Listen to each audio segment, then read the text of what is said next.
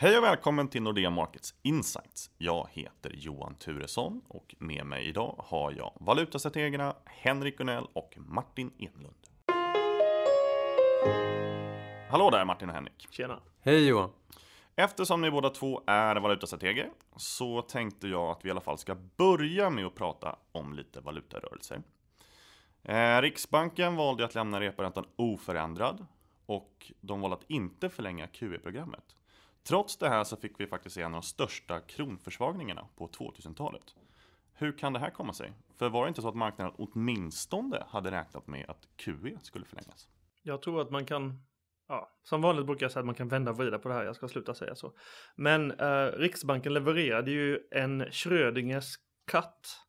Eh, det handlar om att de levererade en räntesänkning, alltså en rate cut, eh, till marknaden trots att de inte gjorde det. Och de signalerade alltså att det är väldigt sannolikt att de sänker igen, fast de sänkte inte. Så i praktiken så har de redan sänkt, för nu går ju marknaden bananas och tror stenhårt på att Riksbanken kommer sänka igen i december. Om inte ECB hittar på någonting stort eller om inflationen plötsligt visar sitt tryne igen. Ehm, och det här gjorde ju att väldigt många marknadsaktörer i alla fall blev väldigt förvånade. Man trodde inte att Riksbanken skulle vara så här mjuk och öppna ränte, räntesänkningsdörren så tydligt igen.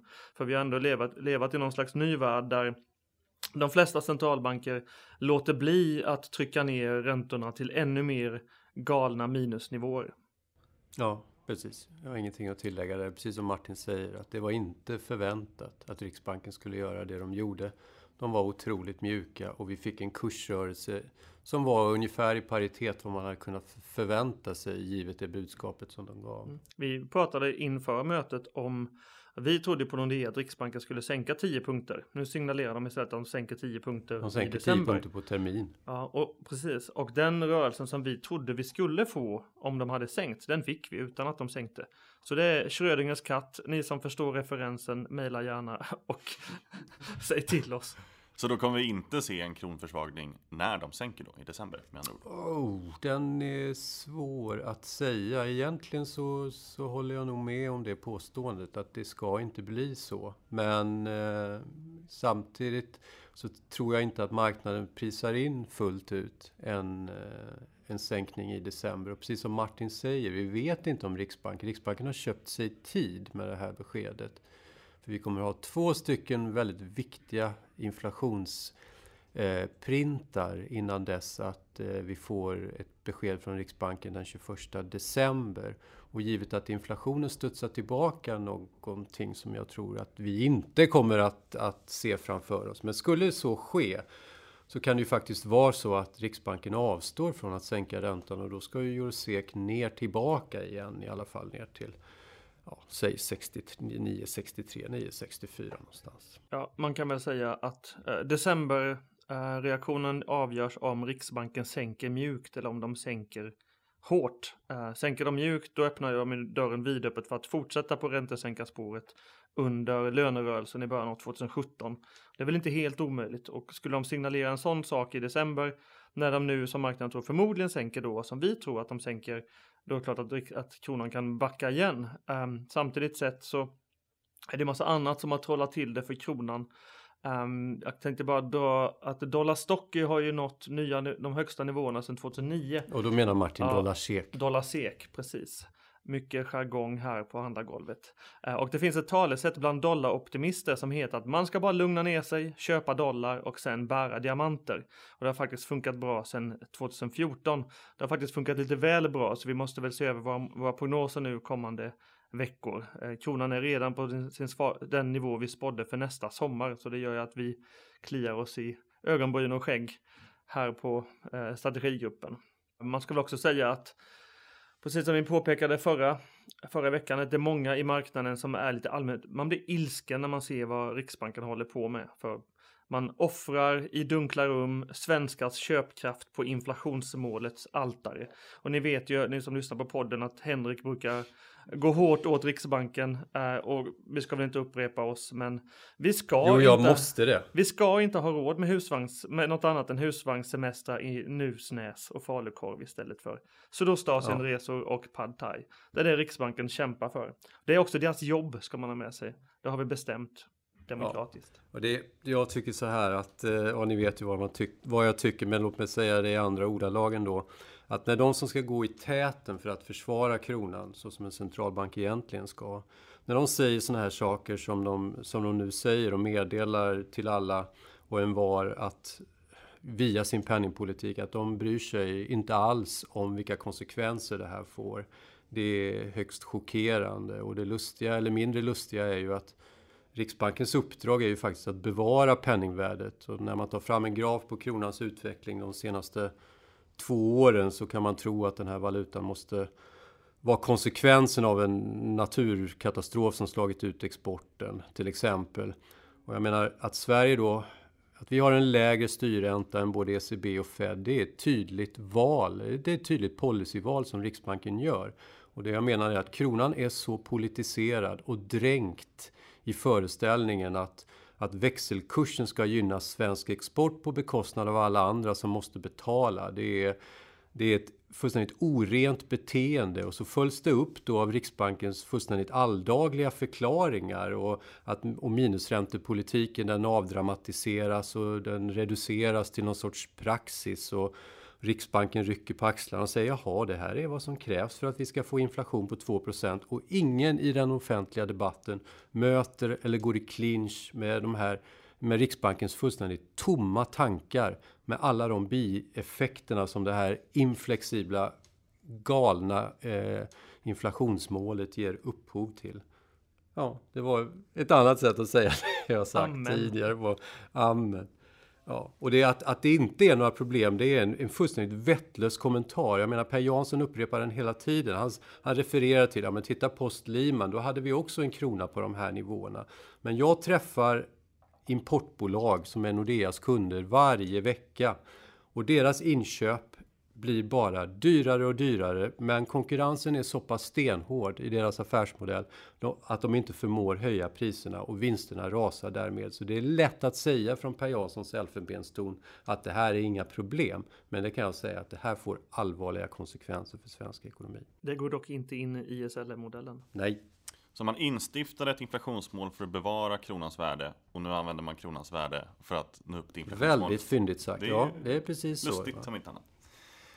Eh, vi har varit inne på det förr, men idag blir faktiskt sista gången vi sitter här innan det amerikanska valet har avgjorts. För nästa gång så vet vi om det blir Dangerous Donald eller om det blir Crooked Hillary som blir USAs president. Eh, kikar man på bettingsajter till exempel så sätter de en 90-10 sannolikhet för att Hillary ska vinna. Men i opinionsökningen så är det ju bara 5-10 procentenheter ungefär som skiljer kandidaterna. Hur kommer sig detta? Ja, eh, man ska ha med sig att USA är inte eh, en demokrati så som, ja, som man brukar mena. Det är en republik till att börja med, men det, det är inte så att den som vinner mest röster i landet vinner valet. Eh, och det gör ju då att man ska titta på Electoral College, hur rösterna utvecklas där. Och där ser Clinton lite mer sannolik ut att vinna än och hon li ligger ganska bra till i flera av de här battleground states just nu. Jämfört med vad som syns i andra opinionsundersökningar. Så ja, man ska titta på Electoral College om man ska prognostisera. Sen tycker vi väl samtidigt att, att bettingsajter som då prisar en väldigt låg sannolikhet för att, för att eh, Trump skulle kunna vinna trots, um, trots hur opinionsundersökningar ser ut, de ska man inte lita på. De är ju bettingsajter, det betyder att folk med pengar förmodligen påverkar dem mycket mer än vad de borde påverka dem. Där kan man ju säga att inför Brexit-omröstningen i juni så var det, eller det uppdagades att ett fåtal stora belopp satsades på Remain, att vara kvar i EU, medan väldigt, väldigt många små belopp satsades på att gå ur EU. Och det gjorde ju att på kvällen den 23 så var sannolikheten för att gå ur nere på 5 till 8 procent. Alltså, och så gick de ur, de röstade ur sig. Så bettingsajter ska man ta med en gigantisk nypa salt, för det är ändå en, en, marknad som är väldigt illikvid också. Det är inte så att den är lika likvid som, som valutamarknaden till exempel. Eh, så man ska ta det med en rejäl nypa salt. Och sen har vi opinionsundersökningarna som då kan ha en massa bias i sig. Och precis som du säger där Johan, att där så ser det ju ut som om att det är ganska jämnt däremellan. Um, och sen vet vi ju den här biasen sen tidigare att folk ljuger i opinionsundersökningar, och i synnerhet när man har att göra med, eller när man har sympatier mot en, en, en person som Donald Trump som är väldigt kontroversiell. Eh, då är man benägen att ljuga och säga att man röstar på någon, någon annan eller till exempel Hillary eller inte röstar alls. Därför att man vill helt enkelt inte medge till den som ringer att, att jag, jag faktiskt stöder någon som som, som framstår som en, en, eh, en fullständigt galen människa. Jag vill tillägga det här att eh, sista opinionsundersökningen som kom i Storbritannien den 23 juni visade att stannarsidan ledde med 10 procentenheter. Ändå blev det en Brexit. I Sverige har många opinionsundersökningar generellt sett underskattat stödet för Sverigedemokraterna. Liknande fenomen syns över hela västvärlden. Och jag tror att det här beror på att de motkrafter som organiseras Sen kan man tycka vad man vill om dem. Eh, Trump, eh, Alternativ för Tyskland, Le Pen och så vidare. De beskylls alltid för att vara rasister eller värre. Och det kanske är sant. Men att då som Trump-anhängare som utmålas som misogyna nazister eller liknande. Det är klart att de kanske inte i lika hög grad erkänner vem de tänker rösta på. Om någon frågar dem oavsett om det är via telefon eller via internet eller ute på gatan. Och det är klart att det gör ju att man tror att det finns kanske lite gömt, gömda röster för Trump. Men det är fortfarande så att i dagsläget med de opinionsundersökningar som vi ser så är de här gömda rösterna inte tillräckligt för att kunna tilta valutgången. Skulle han gå framåt 2-3 procent härifrån då kanske man bör oroa sig för de här eh, extremt svårskattade faktorerna. Och sen är det ju så att det här med opinionsundersökningar det är ingen vetenskap, det är någon form av konstform. Och man måste göra en mängd antaganden i de här opinionsundersökningarna eftersom man har ett, ett sampelmaterial på kanske tusen personer som då ska ligga till grund för, i USAs fall då, hur 150 miljoner människor ska rösta. Och då handlar det mycket om, eh, när det gäller för Hillary Clinton att vinna valet, att man får en hög deltagandegrad. Eh, liknande det som eh, Obama lyckades mobilisera 2008 och 2012. Och han, han förmådde nå fram till både minoriteter och millennialröstare etc.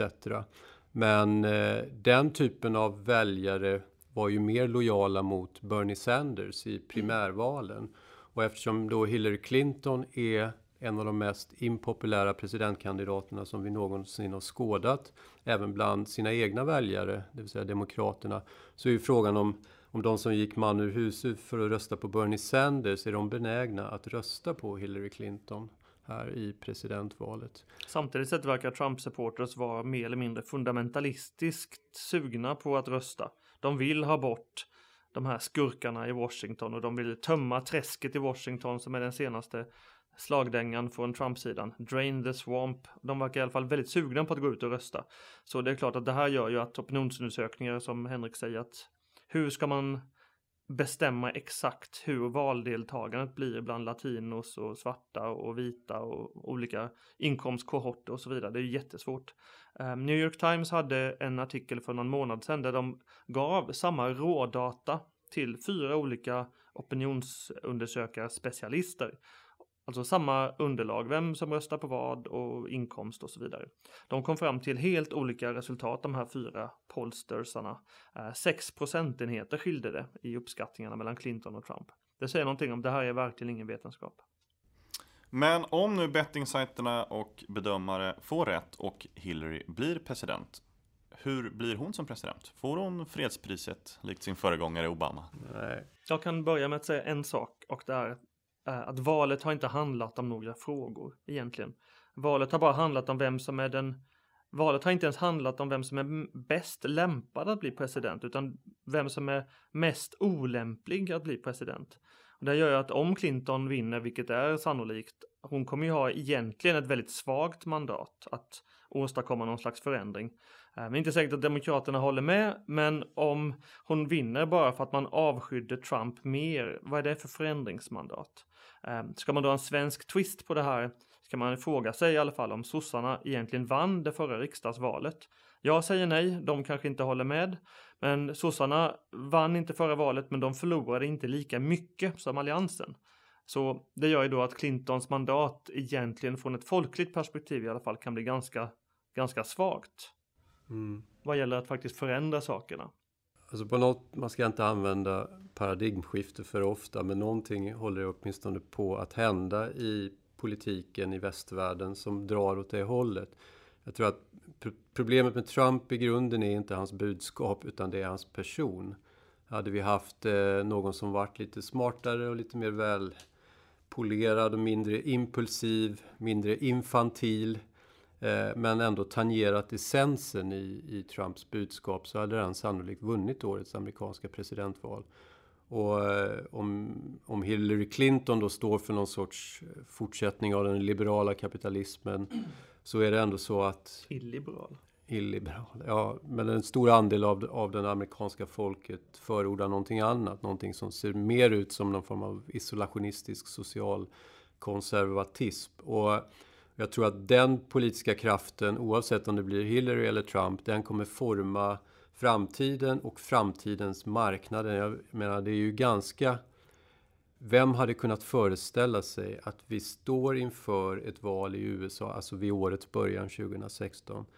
Eh, vem hade kunnat föreställa sig att man skulle rösta bort kapitalismen i, i UK, som i alla fall är, är kapitalismens ådra i Europa, och vi eventuellt ska, ska rösta bort den liberala kapitalismen i kapitalismens högborg USA, alltså den fria marknadsekonomin kanske kommer undan med blotta förskräckelsen. Eh, och det här, vem vet, det här det kan bli revolutionsåret med stort R. Eh, givet att, att Trump vinner här eh, i nästa vecka, näst, nästa vecka. Och, och, och drar man då paralleller till Europa och den, hur den politiska kartan håller på att ritas om här, som Martin nämner, trumpifieringen av Europa eh, och välfärdssystem som, som bryts sönder etc. Det här är också intressant ur ett marknadsperspektiv för att Eftersom alla går runt med föreställningen att vi lever i någon sorts räntevärld där vi kommer ha low for long, alltså låga räntor i all evighets evighet. Men om nu eliten måste fjäska för folket i den här, i den här mikrorevolutionen som pågår. Ja, det har vi sett förut. När välfärdssystem bryts sönder, då resulterar det i olika typer av inflationslösningar ifrån politiker.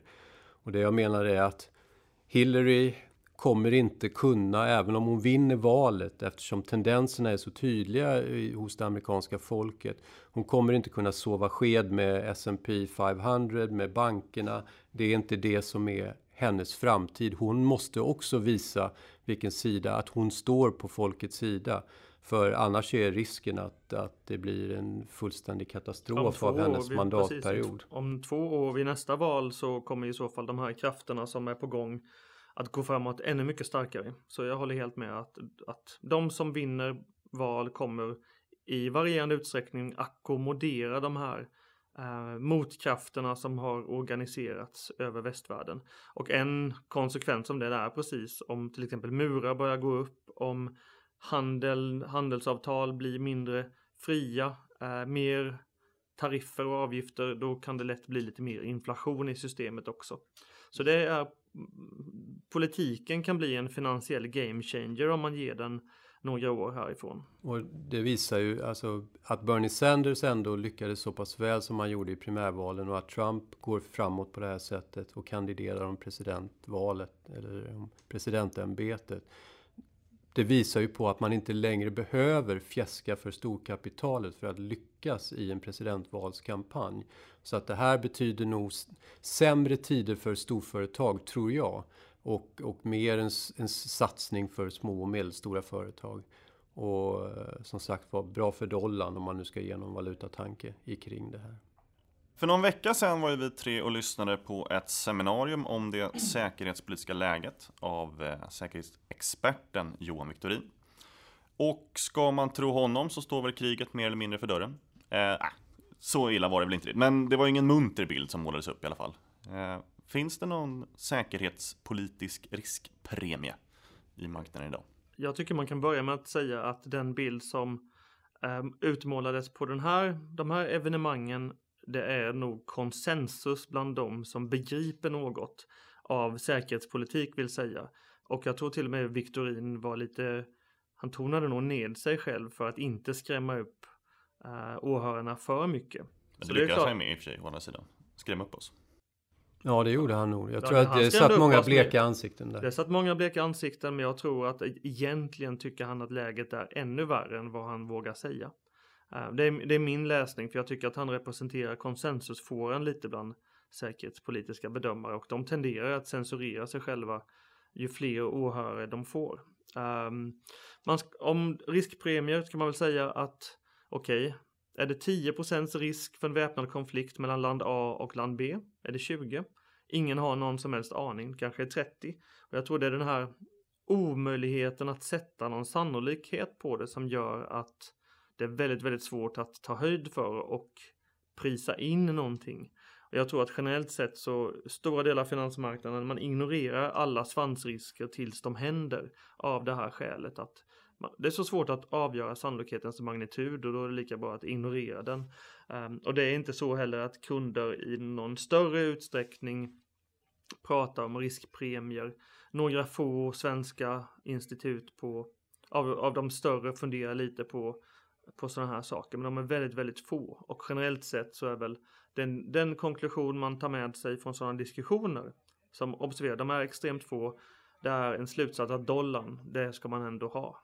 Where, buy dollars, wear diamonds, helt enkelt. Precis. Och eh, man kan väl ändå berätta att i vår värld, i finansvärlden och i bankvärlden så är det ändå så att investmentbanker liknande Nordea i andra, i andra länder etc.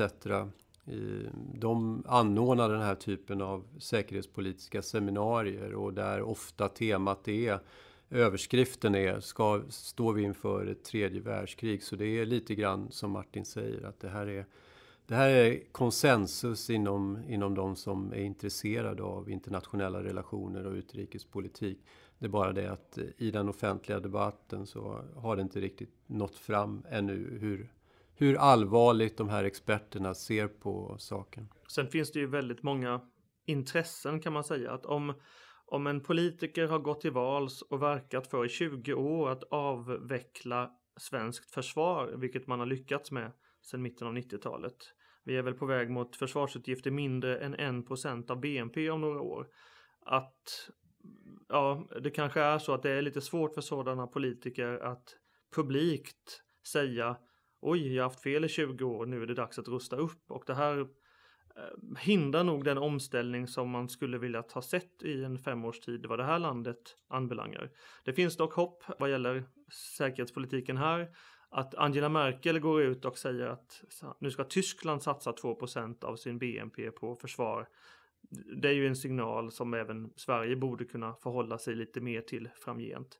Men jag tror att ja, det finns mycket spårbundenhet bland de politiker vi har som har avvecklat försvaret och då är det svårt om samma personer ska återuppveckla svenskt försvar till exempel. Mm. För att avsluta det hela riktigt optimistiskt som Napoleon sa. Det land som inte respekterar sin egen armé riskerar en dag få lära sig respektera ett annat lands armé. Ja, det var kanske inte den positivaste tonen att gå ut på, men den, den får duga i alla fall. Tack till er, Henrik och Martin, och framförallt tack till dig som har lyssnat. Tack, tack. Tack. Vill du ha fler analyser så hittar du dem på nexus.nordea.com. Det går också bra att prenumerera på något av våra marknadsbrev och de hittar du på nordea.se markets.